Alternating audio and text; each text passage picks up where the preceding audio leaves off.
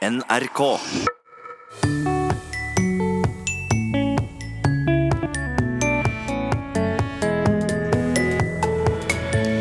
I Språkteigens lille latinskole tar vi for oss kalenderen i dag. Og følg med, for her får du servert et nyttig uttrykk. Ad calendas graicas.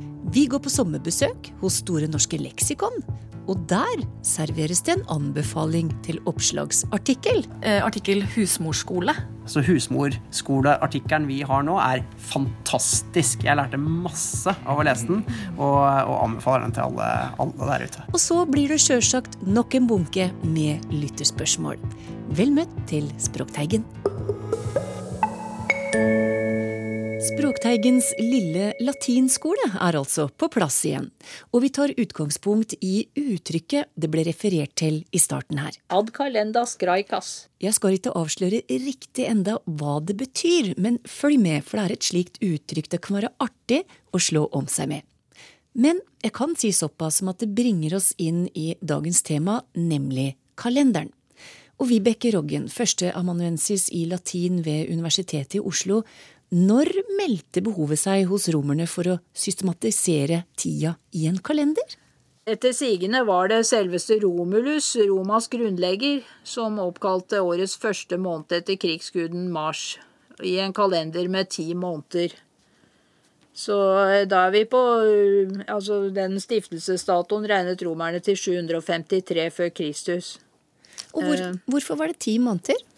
Eh, Jeg kan ikke svare på eh, hva Romulus eventuelt har tenkt Nei. med det. Nei. Men i hvert fall hans etterfølger Numa Pompilius han eh, fant ut at dette året ble altfor kort, så han fikk lagt til to måneder til. Januar og februar. Ja. De eksisterte ikke til å begynne med.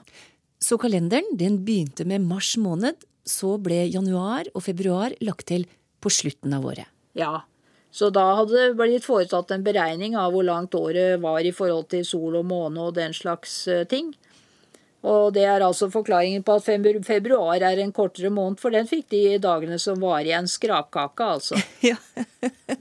og senere så ble altså januar og februar flytta fram i kalenderen slik vi kjenner det i dag. Det skal vi høre om litt, men først til sjølve ordet kalender. Hva kommer det av? Det kommer av romernes navn på den første dagen i måneden, nemlig kalendai. Så det er rett og slett navnet på første dag i hver måned. For de hadde eh, en egen måte å si alle disse dagene på. De sa ikke første, andre, tredje, Nei, fjerde de brukte ikke tallordene sine der. Nei, Nei, de hadde tre merkedager i måneden. Eh, Den første, altså kalendai, den 15. eller 13., avhengig av hvilken måned det var, eh, het idus. Og så ni dager før idus, så het det nonai, som har med ordet ni å gjøre, da, eller eh, latinsk ordet ni. Og så, for å si andre datoer, så måtte du telle da tilbake fra neste merkedag. Så altså 27. eh, januar, da måtte du telle tilbake fra kalender i februar. ja, Og da eh, var det også det at du, t- de talte med både den dagen eh, som det startet og den dagen det sluttet. Eh, Og Idus, der eh, har vi jo da et eh, sitat fra Shakespeare i hans eh, drama Julius Caesar. Ja. Beware of the Ides of March. Vokt deg for Idus i mars. Og det var den dagen Cicero ble Nei, hva sier jeg? Cæsar ble myrdet med 23 dolkestikk. Og da kommer vi til det uttrykket du nevnte i starten her, og det må du forklare, Vibeke. Ja da. Det, hvis du gjerne vil eh, utsette noe, Ja. eller hvis du tror noe kommer til å ikke bli noe av, så kan du si ad calendas graicas, som betyr da til den greske kalendai. Ja. For grekerne hadde ikke den måten å telle på, så de hadde ikke noen kalendai. Så hvis Så det, det- er noe du aldri har lyst til å gjøre, så er det bare å adoptere det uttrykket med en gang. Ja, det er det. Ja. Ad kalendas, graicas. Ja. Men hvis Ja. vi tar den første kalenderen da, som da hadde ti måneder, da begynte den på mars. Ja. Mars eh, er kalt opp etter romernes krigsgud, og det er også planeten Mars. April Ja. Av å- aperire og åpne. Så da kan man tenke seg at våren åpnet, da. Altså at og så den slags ting. Så har vi Maios av Maya, romernes eh, vårgudinne. Og så kommer vi til Junios. Måneden eh, der, Det er ikke helt klart hva det er, om det er oppkalt, den er oppkalt etter Juno, himmeldronningen, eller måneden for de yngre juniores. Og resten av månedene, de seks eh, siste av de ti, fikk navnet etter tallord. Quintilis, som har med fem å gjøre, sextilis, seks, september, oktober, november, desember, sju, åtte, ni og ti. Og der var det kanskje et par eh, månedsnavn som ikke var så greie å kjenne igjen som de andre. Ja. Quintilis og sextilis. ja for da savner vi jul, eh, juli og Ja, august. men vi får først uh, snakke litt om Cæsar, kanskje. Ja, Ja, for han kommer inn her. han kommer inn her. Han rakk mye. Han uh, innimellom å være tatt i fange hos sjørøvere og klaget over at løsepengene de krevde, var, at den summen var for lav. Det er jo ikke alle som ville gjort. Og krigføring i Gallia. Og før han ble myrdet, så rakk han også å få reformert kalenderen, da selvfølgelig. Det er jo en ting enhver hersker burde gjøre. Og den ble derfor kalt den julianske kalenderen, for han het da Gaius Julius Kaisar. Det var Cæsar nemlig som fikk flyttet eh, januar til den første måneden. Den har navn etter den gamle latinske guden Janus. Et Janus-ansikt, altså Janus har et ansikt i hver retning. En profil er avbildet med to profiler. Ja. Så eh, han ser imot det gamle og det nye året, så det passer jo godt. Eh, Februar, da. Ja, det kommer av navnet på en renselsesfest, februar. De hadde jo mange festivaler og, og feiringer. Ja.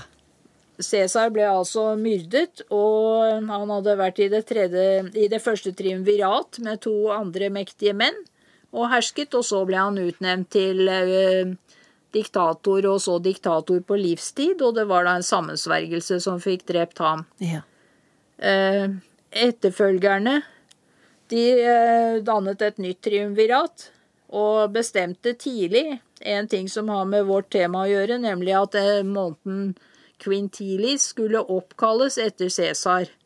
Så den fikk altså navnet Julius. Julius. Så sjøl denne forhatte keiseren som da ble drept i midt i mars, var det ikke det? Jo. Han fikk da en måned oppkalt etter seg kort tid etterpå. Ja, han gjorde det. Vi har jo snakket mye om, om Cicero. Ja. Ja, og han kommer inn i bildet her også. Han hadde vært blant dem som gledet seg over dette mordet. Han var ikke med selv, men han eh, gledet seg over det. Alle gode menn drepte Cæsar så mye de evnet.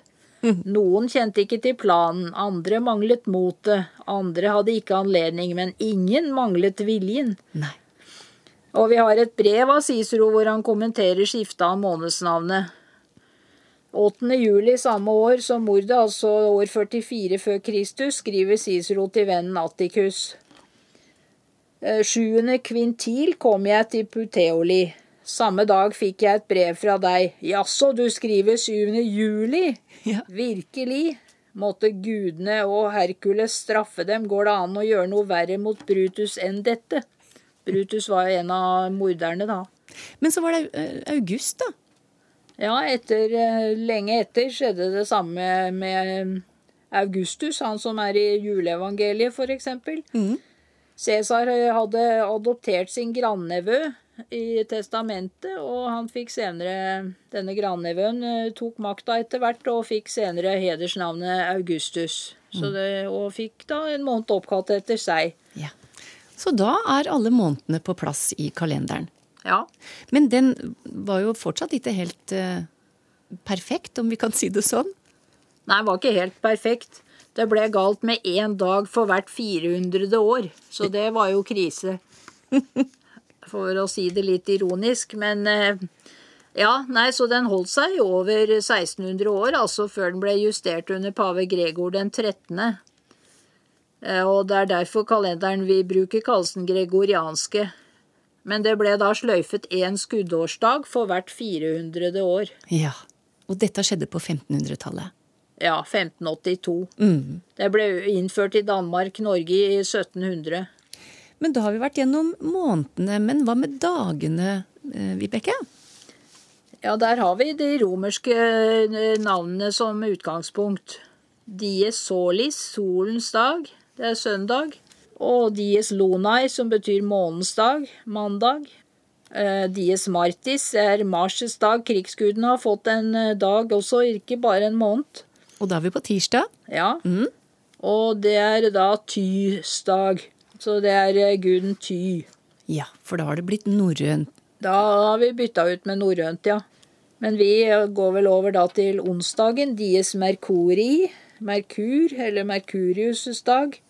En, også en romersk gud. Eh, Og da ble han byttet ut med Odin, Ja. så derfor er det onsdag. Og torsdag dies Jovis. Jovis er genitiv av Jupiter, og det er jo hovedguden. Men det, man har jo også ikke tatt Odin på den dagen, da. Men Thor var jo også en mektig kar. Men, så torsdag er Thors dag. Ja. Eh, fredag dies Veneris, og det er Venuses dag. Kjærlighetsgudinnen. Og av genitiven Veneris så kjenner vi jo igjen da dessverre de veneriske sykdommene. ja. Men vi har da Frøyas dag, fredag. Eh, Lørdagen eh, på latin dies Saturni, Saturns dag. Men eh, der har ikke våre forfedre valgt å, sette inn en norrøn gud. For lørdag det kommer av norrønt laugardager, Ja. vaskedag. Så det må vi ta oss sammen og gjøre hver lørdag. Nå har vi jo til og med mange av oss lørdagsfri. Ja, Da rekker vi det. det skulle jeg tro. Og søndagen har vi vært på. Ja da. Søndag i dag, som altså da er solens dag. Ja. Ja. Takk til deg, Vibeke Roggen, som er førsteamanuensis i latin.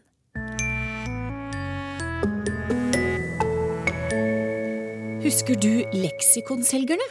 Det er noen år siden dem slutta å gå rundt og banke på dører eller huke tak i deg på gata.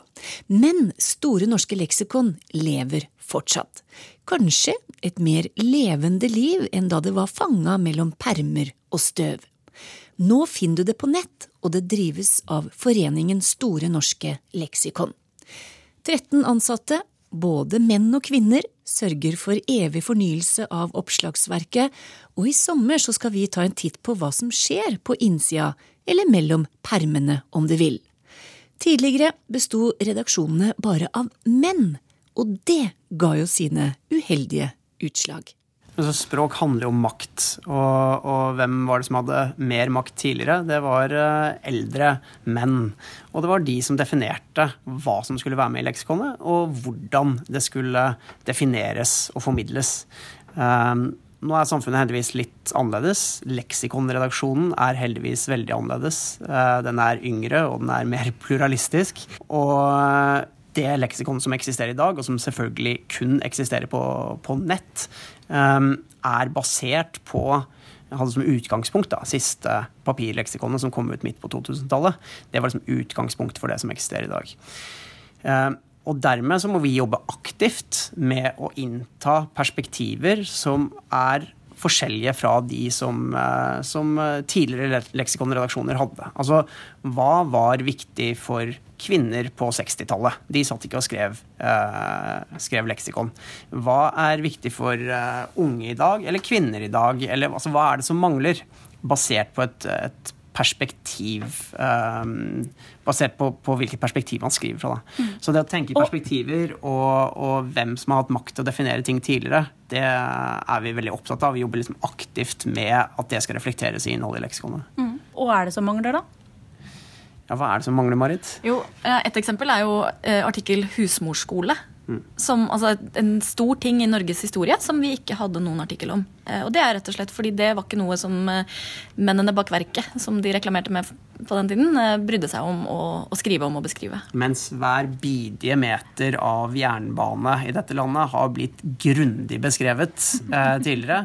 Og ikke minst småflyplasser i Nicaragua.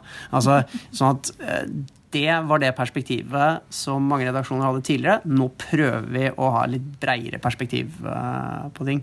Og vi blir bedre og bedre på det. Så husmorskoleartikkelen vi har nå, er fantastisk. Jeg lærte masse av å lese den, og, og anbefaler den til alle, alle der ute. Og vi har også sikra oss eh, bedre artikler om eh, masse norsk husmannskost og liksom litt mer sånne eh, ritualer som bryllup og, og sånn. Um, så vi har masse fine artikler nå om liksom lutefisk og pinnekjøtt og, og lefse og flekkfjerning. Ja.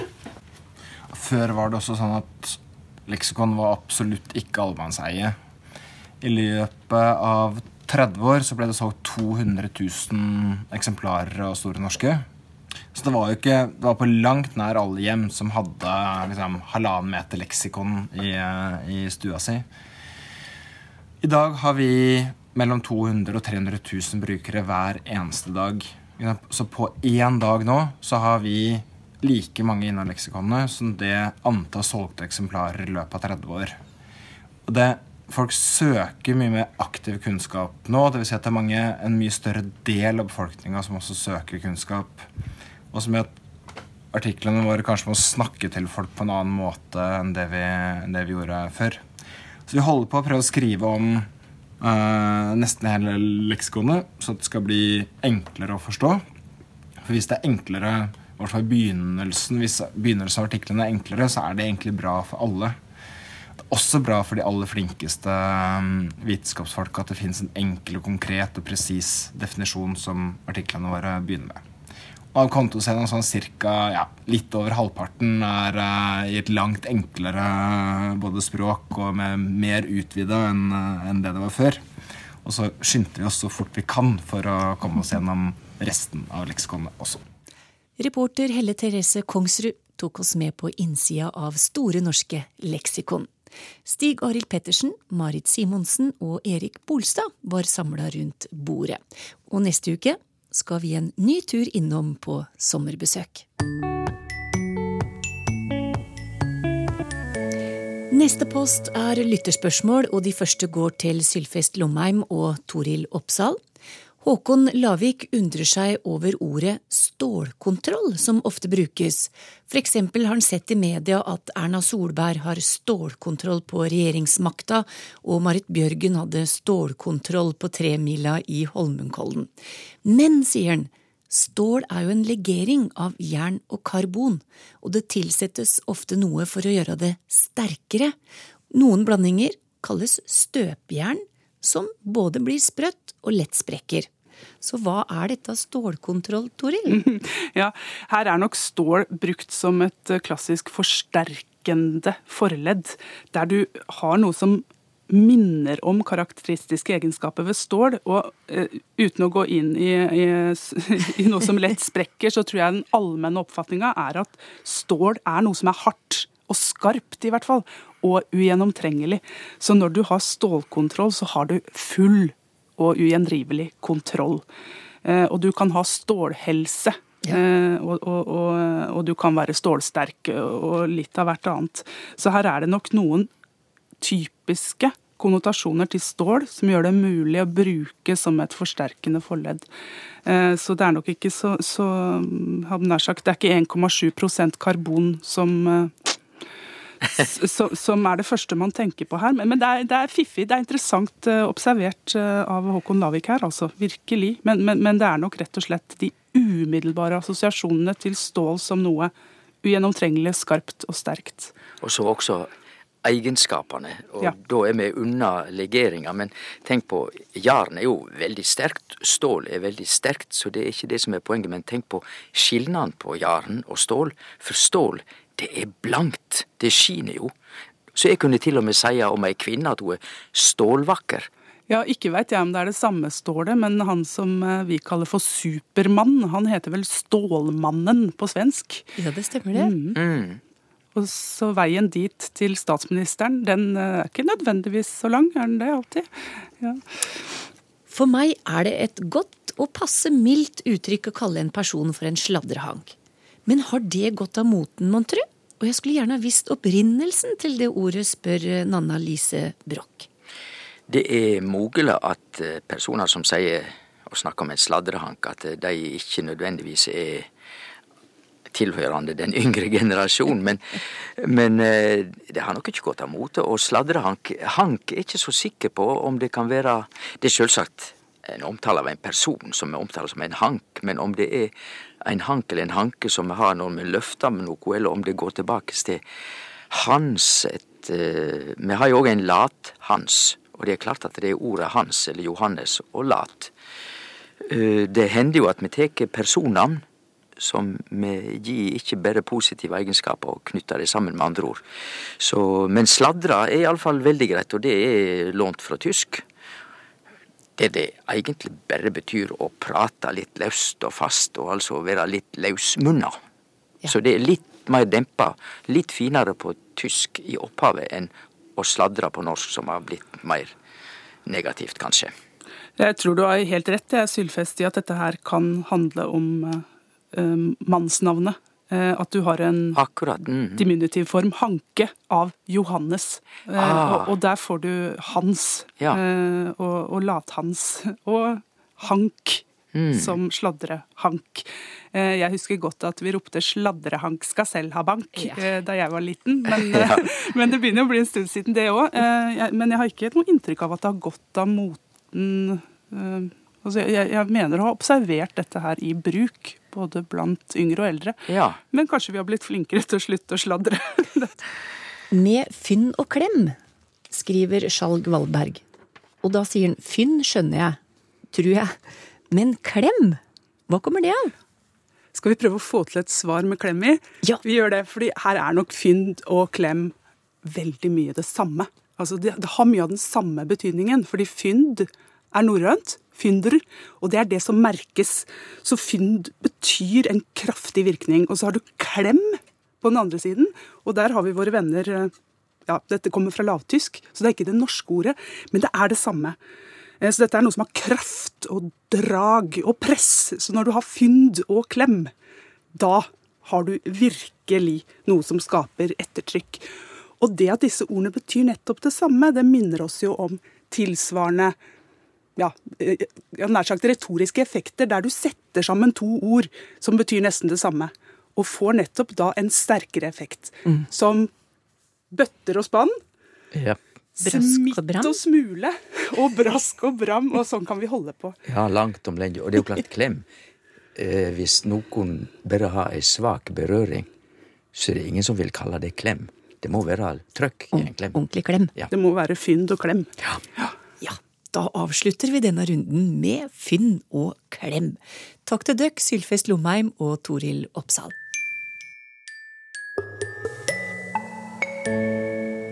Vi bytter mannskap og stiller de neste spørsmåla til Tor Erik Gjenstad og Georg Kjøll.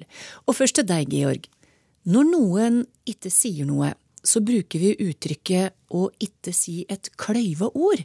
Men hva er et kløyva ord egentlig, og har det sammenheng med ordkløveri, spør Oddgeir Johansen. Svaret på det siste er ja, det har en sammenheng. Eh, å kløyve det er å, å, dele, eller splitte opp i to. Så vi snakker om å kløyve vedkubber, f.eks. Da hogger man tvers gjennom dem og deler dem i to. Og det er det som skjer med, med ordet også. En som driver med ordkløveri, er en som bokstavelig talt da deler, deler ord i, i to. Så et kløyva ord er, eh, er ja, ja bokstavelig talt et halvt ord. Så når du ikke har sagt et kløyva ord, så har du ikke engang sagt et ord. Du har bare sagt et halvt et. Eller du har ikke engang sagt et halvt et. Så, eh, så det, er der, eh, det er der dette kommer fra. Og det er sånn det har funnet veien inn i det faste, faste uttrykket. Da. Og det er en sånn fin, fin lydlig sammenheng også. Kløyva ord. Det er liksom ja, det er smart og kjapt og, og sånn. Så selv om å kløyve ikke er et veldig vanlig verb utenfor sammenhengen og, og altså sånne spesifikke sammenhenger, som å kløyve vedkubber, så, eh, så lever dette uttrykket eh, ganske, ganske bra fortsatt. Tidligere snakket man også om å kløve hår, eller kløyve hår. uh, og man hadde ordet hårkløveri, som vi kan gjenkjenne på engelsk som 'splitting hairs'. Altså det å dele, dele opp noe som er så lite som et hår i to. Da vet du at du virkelig driver med å tulle med detaljer, unødvendige detaljer. Og det er sånn det uttrykket har vært brukt, og brukes fortsatt på, på engelsk. Mens ordkløveri har, har overtatt, overtatt, litt der, og nå snakker vi også om flisespikkeri. Ja, noe, av det, ja. noe av det samme. Så det handler rett og slett om det å, å være altfor opptatt av detaljer og kanskje heller bry seg om hvordan man sier ting, heller enn uh, innholdet i det. Så det, det er sånn det uttrykket brukes. Mm.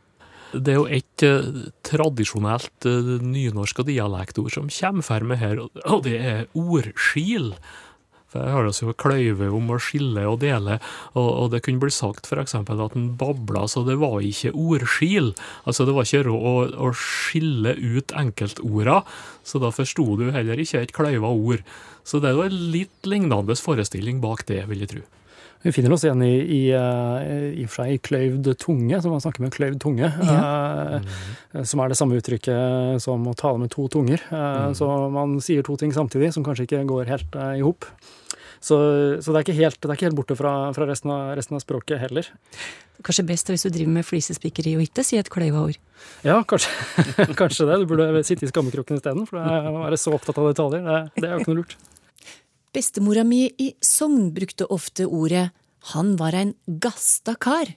Det er et positivt ord, og jeg har òg funnet det brukt i Per Sivles flotte dikt Tord Foleson. Men hva er bakgrunnen for ordet gasta, spør Marit Eggum Høie. Ja, eh, gasta, ja, det forsterkende her, da. Eh, det betyr jo både altså, stor og, og, veldig, men også dyktig. da, En gasta kar. Finner også varianten en gastekar. Uh, og det må nå da være avleda av ordet gast. Uh, som vi kjenner kanskje i dag mest som uh, ja, matros eller soldat i Sjøforsvaret. Da. Det er jo gasta. Men det er jo eldre betydning. En stor, svær kar. Kanskje også brutal. Det er jo lånt ifra Eh, ja, det er jo enten lågtysk eller nederlandsk. Det er vanskelig å si akkurat hva eh, i mange tilfeller. Eh, men det er jo samme ordet som gjest, egentlig, jf. tysk gast. Men som er lånt inn da, i litt, litt spesielle betydninger. Og når du har fått gaster, så kan det jo ha, ha spilt inn gamle genitivsuttrykk her. Det kan det. Mm. Er det samme, samme, som skjer her, som i type grepa kar, eller? Eh, ja, jeg lurer jo på om grepa eh, faktisk kan være et lite mønster for Gasta. Altså, Gasta er forholdsvis ungt.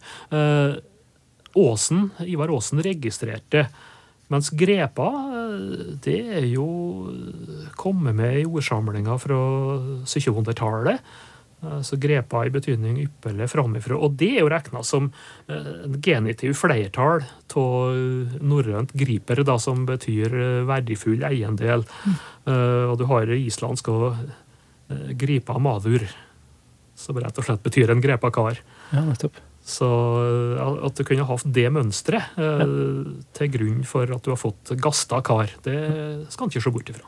Men det er ganske isolert, er det ikke det? Jeg, jeg kan ikke komme på i farten noen andre, eh, andre type adjektiv som har den, eh, har den ubøyelige formen her? Nei, det finnes eh, Iallfall Norafjell så har du hiva. Mm -hmm. I betydning framifrå. En hiva bil og en hiva kar. Ja. Det mener de jo kan være komme inn fra finsk hyve. Ja, ja. Så det, så det, er jo det, men eh, det er nok ikke noe mange, nei. Hvis en leter rundt omkring i målføra, så kan du sikkert finne flere, men eh, det er nok det mest vanlige, det der. Ja. Hva betyr hyve, da? Nei, Det betyr vel bra. altså Det er jo sånn ja. tilrop. Finnene heier på langrennsløperne sine, så er det jo hyve. hyve mentiranta. så, eh, så det, det, kan være det som vi har i, i, i hiva, ja. Vi får bare håpe da at vi har servert en hiva språkteig i dag. Takk til dere Tor Erik Gjenstad og Georg Kjøll. Ha det bra.